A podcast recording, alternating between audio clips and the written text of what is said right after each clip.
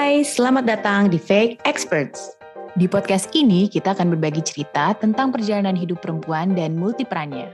Karena di setiap cerita pasti ada pelajaran hidup untuk menuju versi terbaik diri kita. Selamat mendengarkan. Halo.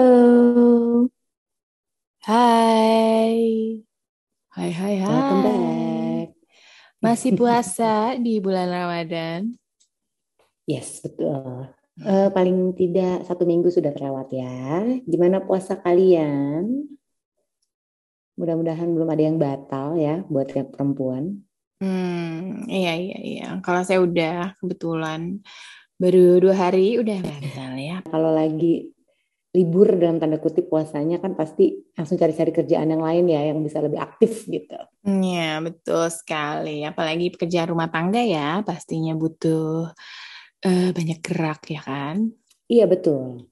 Uh, dan butuh kedisiplinan, ya enggak? Hmm, iya betul, butuh kedisiplinan. Iya kan, kayak kita ngapain hari ini? Produktif nggak? Ada hasilnya nggak? Gitu ya nggak sih? Iya betul sekali. Jadi uh, penting banget ya punya self disiplin tuh paling susah sih. Paling penting tapi paling susah. Ya nggak sih? Karena iya benar-benar. Ya layaknya anak sekolah gitu ya kayak kita ngalamin banget sekarang dalam pandemi itu anak-anak tuh mau nggak mau harus punya self disiplin karena nggak ada lagi kan yang um, harus uh, di sekolah gitu. Jam harus sudah mandi pergi ke sekolah udah mandi udah siap gitu kan. Karena di rumah pun bisa sekolah tanpa mandi gitu kan. Jadi ya, uh, susah sekali untuk menerapkan disiplin di rumah ini ya kan? Betul betul betul. Sama kita belajar dari banyak orang sukses juga ya gitu bahwa mm -hmm eh, sebagian besar lah ya atau mungkin semua orang yang eh, pada akhirnya adalah menjadi berhasil menjadi seseorang gitu ya. Hmm. Itu dibalik semua itu tuh pasti ada kedisiplinan. Iya, iya, ya, iya, kan? iya, iya. Komitmen iya. gitu ya. Kalau suka nonton ini ya, reality show, itu suka ada uh, artis-artis penyanyi gitu ya, musisi-musisi atau uh, atlet itu banyak tuh di Netflix uh, yang meliput gitu kan kehidupan sehari-harinya mulai dari kayak Beyonce, BTS, uh, eh, terus waktu kemarin yang heboh Michael Jordan gitu kan kita lihat betapa disiplinnya gitu orang-orang ini sampai bisa jadi sukses gitu kan di karir mereka apa pun karirnya itu Iya walaupun betul. karena disiplin butuh perjuangan ya kan. Iya iya iya. Walaupun uh, mungkin memang dijadwalkan seperti itu dan harus tapi kalau misalnya nggak ada self disiplin tuh rasanya juga orang sebesar Beyonce gitu ya bahkan atau Michael Jordan lah pada saat jaya-jayanya gitu. Kan bisa aja make excuse gitu ya untuk misalnya nggak latihan. Kalau memang tidak punya self disiplin yang kuat gitu yang tinggi ya kan? Iya benar-benar. Karena uh, yang namanya orang ya gitu dalam hmm. satu hari 24 jam kan nggak selalu ada yang monitoring ya kayak ya nggak sih pasti hmm. ada tuh waktu-waktu me time-nya lah sendirian gitu nggak ada yang mengawasi nah kalau yeah. kita iya. nggak disiplin sama diri kita sendiri gitu kan ya di saat itulah kan hancur semuanya iya betul sekali dan itu pun terlihat ya dari orang-orang yang juga uh, kita lihat mungkin dulunya terkenal gitu kan uh, lama kelamaan uh, berkurang. Ada yang bilang suka ada kan kayak gosip-gosip uh, diva gitu kan, selalu telat datangnya gitu sampai lama kelamaan ya orang jadi males ya intinya kerja sama um, orang-orang tersebut gitu kan. Iya, Itu salah benar, satu benar. contoh dari uh, ini ya dari dunia entertainment ya gitu. Belum ya, contoh yang paling bisa kita lihat lah ya. Mm -mm. Nah tapi gimana sih caranya untuk uh, memiliki self disiplin? Karena ini sesuatu yang terus gue pelajari ya. Uh, berusaha untuk terus bisa ditingkatkan lah gitu kan. Karena anak-anak juga pengennya juga punya gitu ya self disiplin, nggak perlu orang lain yang mengatur hidupnya gitu kan karena zaman sekarang juga susah ya anak-anak itu um, sangat kritis dan lebih cepat gitu belajar jadi kalau misalnya disiplinnya in terms of waktu let's say ya kan uh, hmm. kamu harus belajar selama dua jam gitu itu bisa efektif bisa enggak karena mungkin anak itu belajarnya sejam udah kelar semua. Nah, itu bisa dibalikin kan sama mereka. Tapi dibalik dibalik kedisiplinan anak itu juga kadang ya memang orang tuanya juga harus disiplin gitu tanpa yeah. kita harus membebani ya gitu. Tapi maksudnya pasti dibalik uh, latihan disiplinnya anak-anak itu pasti ada orang-orang tua yang memang disiplin gitu, which is uh, mungkin saya masih halfway there. Iya iya itu itu terlihat di orang orang tua orang tua yang uh, yang anaknya atlet ya, yang perannya tuh besar di pembentuk uh, anaknya jadi atlet yang sukses tuh gue nonton waktu itu uh, petenis Naomi Osaka. Waktu itu dia menang uh, sempat Grand Slam gitu terus uh, dokumenternya keluar. Dan itu memang orang tuanya gitu. Sama kayak Venus sama Serena Williams ya apalagi hmm. mereka um, tentunya terus ada si film barunya juga kan yang cerita tentang bapaknya ini.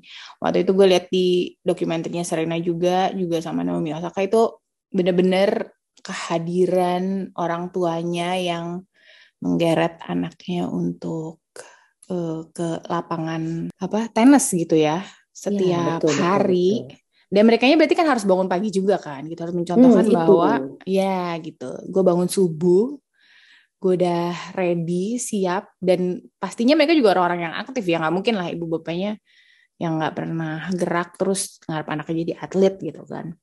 Dan gue selalu iya, iya, kayak yeah, yeah, yeah, yeah. amazing dengan orang tua orang tua yang uh, Sabtu pagi tuh udah ada di lapangan baseball atau kayak di gor karate ya kan uh, taekwondo gitu. Untuk ikut kejuaraan. Itu uh, amazing sih karena ah, tentunya saya tidak bisa sekonsisten itu.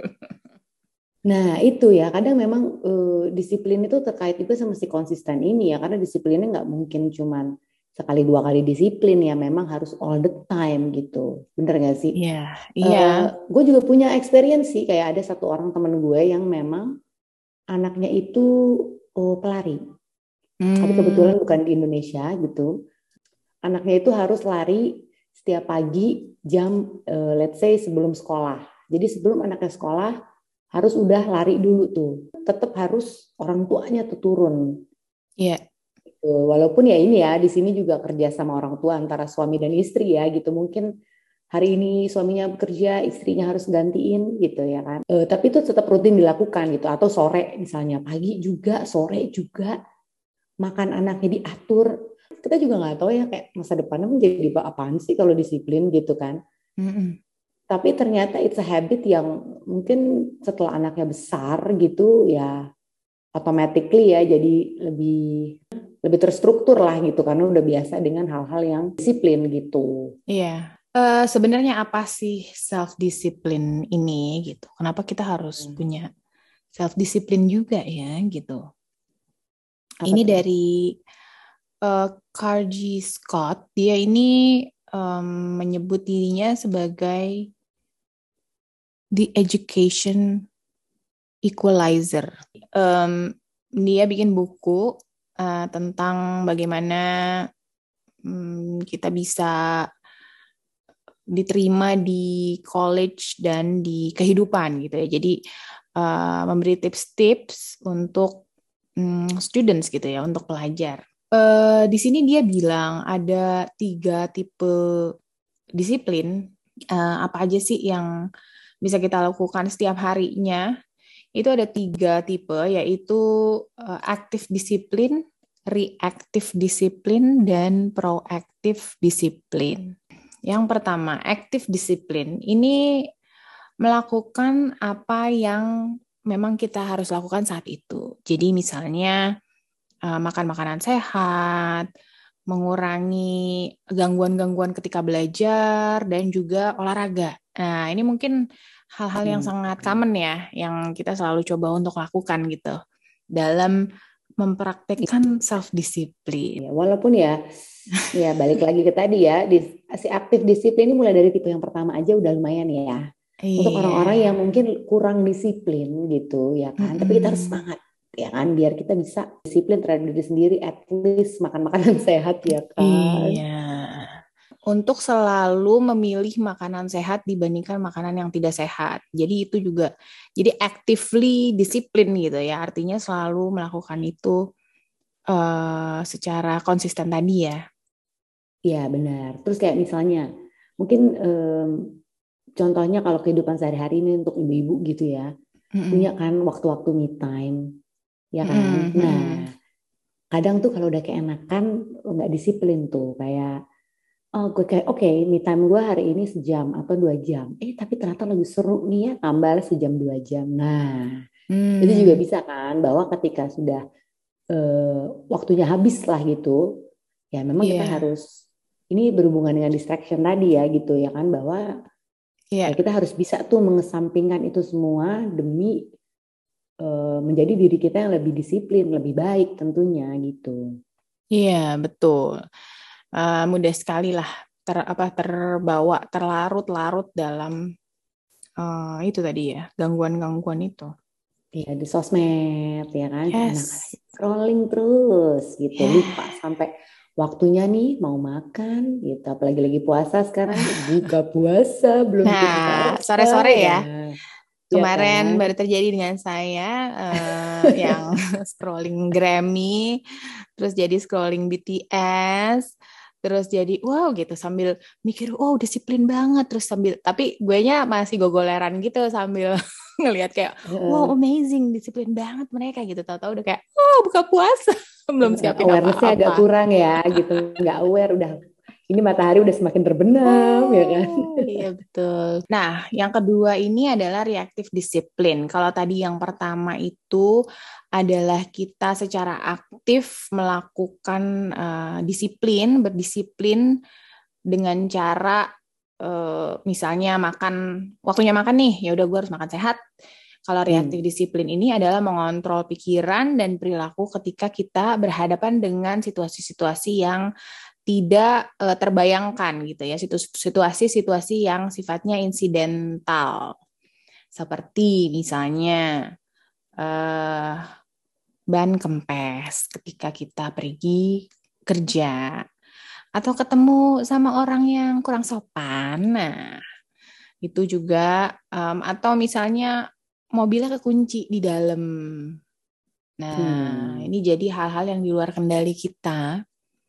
Bagaimana kita mengatasinya dengan reaktif disiplin instead of complaining uh, daripada kita habis energi untuk mengeluh gitu ya, untuk komplain, mengkondisikan situasi ini untuk menjadi kesempatan kita belajar. Oh iya, ya, ini bisa dikaitkan juga ya yeah. dengan uh, tadi kayak misalnya contoh kita atlet gitu mm. misalnya, mm. atau idol ya kan, yeah. misalkan selebriti gitu kan, oh main terus ada yang kasar, mm. ada yang ngatain aja, ini nih apa disiplin yang memang harus karena disiplin itu kan hal-hal yang terus-terus dilakuin ya ya nggak sih yeah. supaya kita terbiasa juga kan yeah. nah ini tuh ngaruh juga ya gitu kayak misalkan kita tidak mudah terpancing emosinya hmm. gitu ya nggak sih terus kayak idol-idol yang suka misalkan dihujat gemes nggak sih lu pengen hujat balik gitu mm -hmm. nah ini kan juga unexpected nih sebenarnya kan hal-hal yang ini iya nggak sih yang kadang kita nggak bisa duga gitu segala sesuatu misalnya satu dua kata kita yang mungkin menurut orang salah gitu. Hmm. Ya kan kayaknya gemes banget dong pengen ngebela diri. Nah, ini salah satu latihannya nih berarti. Iya, jadi ternyata waktu itu kita juga pernah bahas soal emotional maturity ya. Berarti kita berhadapan hmm. dengan orang yang tidak mature ya, let's say tadi rude hmm. person hmm. atau orang yang tidak sopan, tidak menghargai kita atau bahkan merendahkan kita.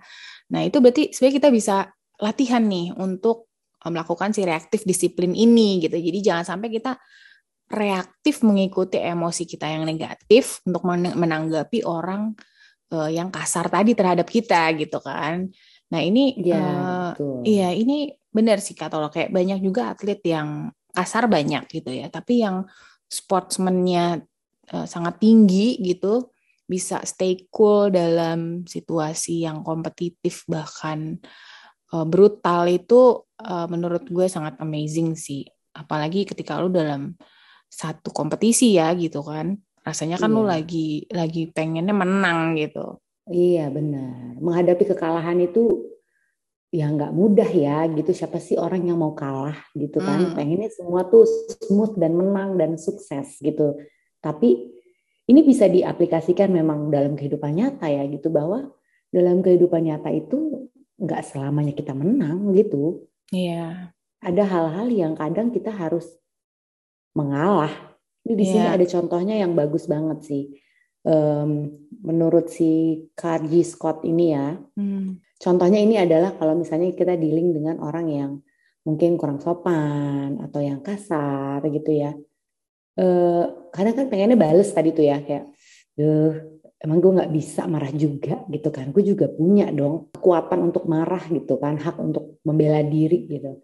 Mm -hmm. Nah tapi di sini dia bilang kalau ini ya an eye for an eye gitu. Jadi misalnya lo nyolok mata gue gue balas gue colok lagi yeah. gitu. Kayak banyak juga kan kayak uh, hutang nyawa dibalas nyawa gitu yeah. ya kan ya kan sih.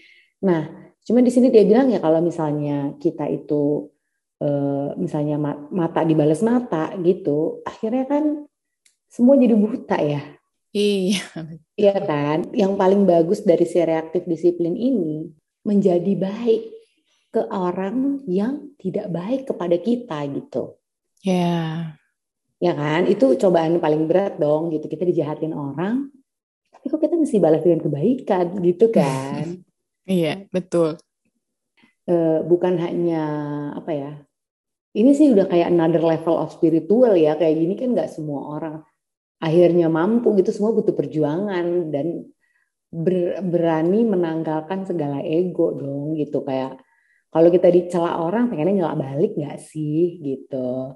Selain berdap, berhadapan dengan orang yang tidak uh, baik gitu atau kasar itu tadi juga dia bilang uh, misalnya kita berhadapan dengan ban kempes gitu waktu kita buru-buru nih lagi kerja mau berangkat kerja gitu kan yang pasti terjadi adalah panik ya biasanya. Hmm, uh, tapi kalau kita bisa latihan uh, daripada kita panik gitu mungkin kita bisa uh, langsung cari apa tukang ban terdekat lalu kita bisa mengubah mengubah pola pikir kita menjadi untung cuma ban doang yang kempes gitu. Jadi uh, secara uh, helikopter view itu kita lebih bisa uh, apa ya melihat itu tidak sebesar masalah yang kita pikirkan lah gitu kan. Karena kadang kepanikan itu bikin kita membesar-besarkan satu masalah ya.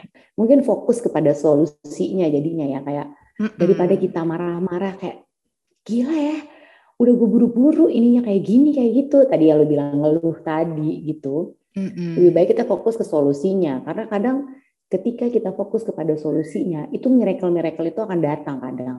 Gue yes. pernah kayak gini nih kejadiannya. Ini terkait dengan mobil ya. Um, hmm. Mobil gue di garasi kebetulan garasinya itu adalah elektrik hmm. dan garasinya itu rusak. Jadi ketika itu tertutup, tiba-tiba nggak bisa dibuka di saat gue harus jemput anak gue yang masih hmm. kecil. Daripada kayak gini, mendingan kita fokus sama solusinya. Akhirnya gue mencoba untuk telepon eh, pesan ini ya, kayak taksi online gitu. Hmm. Dan aku jujur ke sekolahnya bahwa mungkin saya akan terlambat. Ya ini jadi iya. solusi yeah. kan. Saya mungkin akan terlambat. Tolong saya titip anak saya dulu. Ternyata keajaiban itu datang. Tugas sekolahnya gitu ya. Jadi salah satu adminnya kata nggak salah. Itu ternyata rumahnya tetanggaan sama gue. Oh. Jadi kata dia, oh it's okay katanya Hmm. Uh, gue tahu rumah lo deket sama rumah gue karena kan dia pegang alamat dong ya. Hmm. Betulan di mobil gue itu ada karsit. Hmm. Nah jadi anak gue yang masih kecil ini bisa duduk di karsit dia dan aman lah ya tidak melanggar peraturan. Hmm. hmm, hmm Kebetulan banget kan gitu. Jadi akhirnya uh, justru gue malah mendapatkan uh, ini ya keberuntungan gitu ya dijemput yeah, lah yeah, ya yeah. anak gue diantar pulang ke rumah mau jemput anak lagi yang lebih besar dong which is yeah. sekolahnya beda it's okay uh, gue jemputin anak lu sekalian yang besar lo ikut aja sama gue kita jemput anak lo yang besar uh kan hmm. itulah yeah, karena yeah, nggak yeah, yeah. mungkin hadiahnya bagus ya gitu. Iya iya iya iya iya. Jadi uh, kalau kita bisa berpikir positif jadinya dapat sesuatu iya, yang positif betul. ya. Iya, iya, ya. Ini kunci dari reaktif disiplin mungkin ya. Mm-mm. Stop negativity gitu. Ya, yang ketiga itu adalah proaktif disiplin. Jadi melakukan hal-hal dipersiapkan sebelumnya untuk mengontrol situasi lebih baik. Uh, proaktif disiplin ini contohnya apa sih? Tadi hal-hal itu gitu. Lebih detailnya adalah ketika kita tadi kenapa bawa payung sebelum hujan karena kita habis nonton nih paginya bahwa perakiraan cuaca akan hujan gitu. Atau kita udah lihat nih awan-awan gelap ya. Terus kita harus pergi hmm. jemput anak misalnya sekolah. Atau harus ke mana ya bawalah payung. Nah itu um, salah satu bentuk dari proaktif disiplin. Terus misalnya kita ada deadline ya. Nah ini juga nih kadang tuh uh, suka kadang suka lupa, kadang suka malas, padahal cuma bikin catatan aja ya gitu. Ketika harus melakukan sesuatu yang akhirnya iya, iya, malah ya, jadi berantakan gitu kan, ketika kita lupa. Apa sih tadi gue harus ngapain sih gitu, jadi kayak lupa gitu kan. Ini sekalian membantu fokus ya gitu bahwa ketika udah dicatat, kita kan sebenarnya sambil mencatat sambil mengingat kadang tuh ya kan. Iya betul. Nah ini juga nih kayak soal tidur, nah ini juga gue sering banget nih kayak udah tahu besok ya akan eh, menjadi hari yang panjang. Uh, niatnya sih udah ada niat untuk proaktif disiplin ini gitu ya bahwa malam ini gue harus tidur jam 10 gitu karena besok hari gue akan panjang. Tapi gagal untuk diterapkan disiplin ini. Akhirnya begadang lagi, begadang lagi ya kan. Betul, betul, betul. Ini ini hal-hal yang sebenarnya mudah dilakukan simple. ya. Oh, oh simple hmm, tapi gitu. ya itu.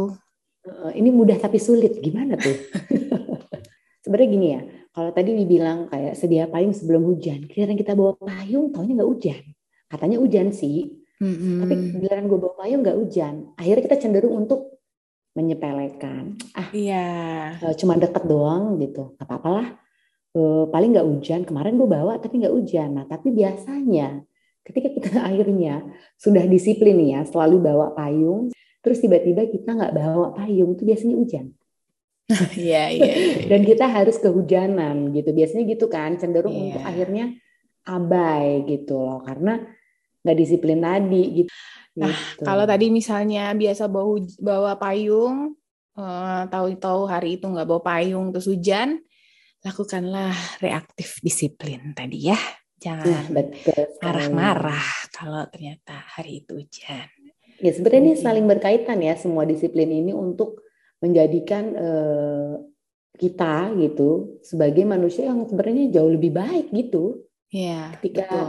kita melakukan tiga tipe disiplin ini gitu. Yes. Please subscribe our podcast Fake Experts and follow our Instagram at fake.experts. Fake experts.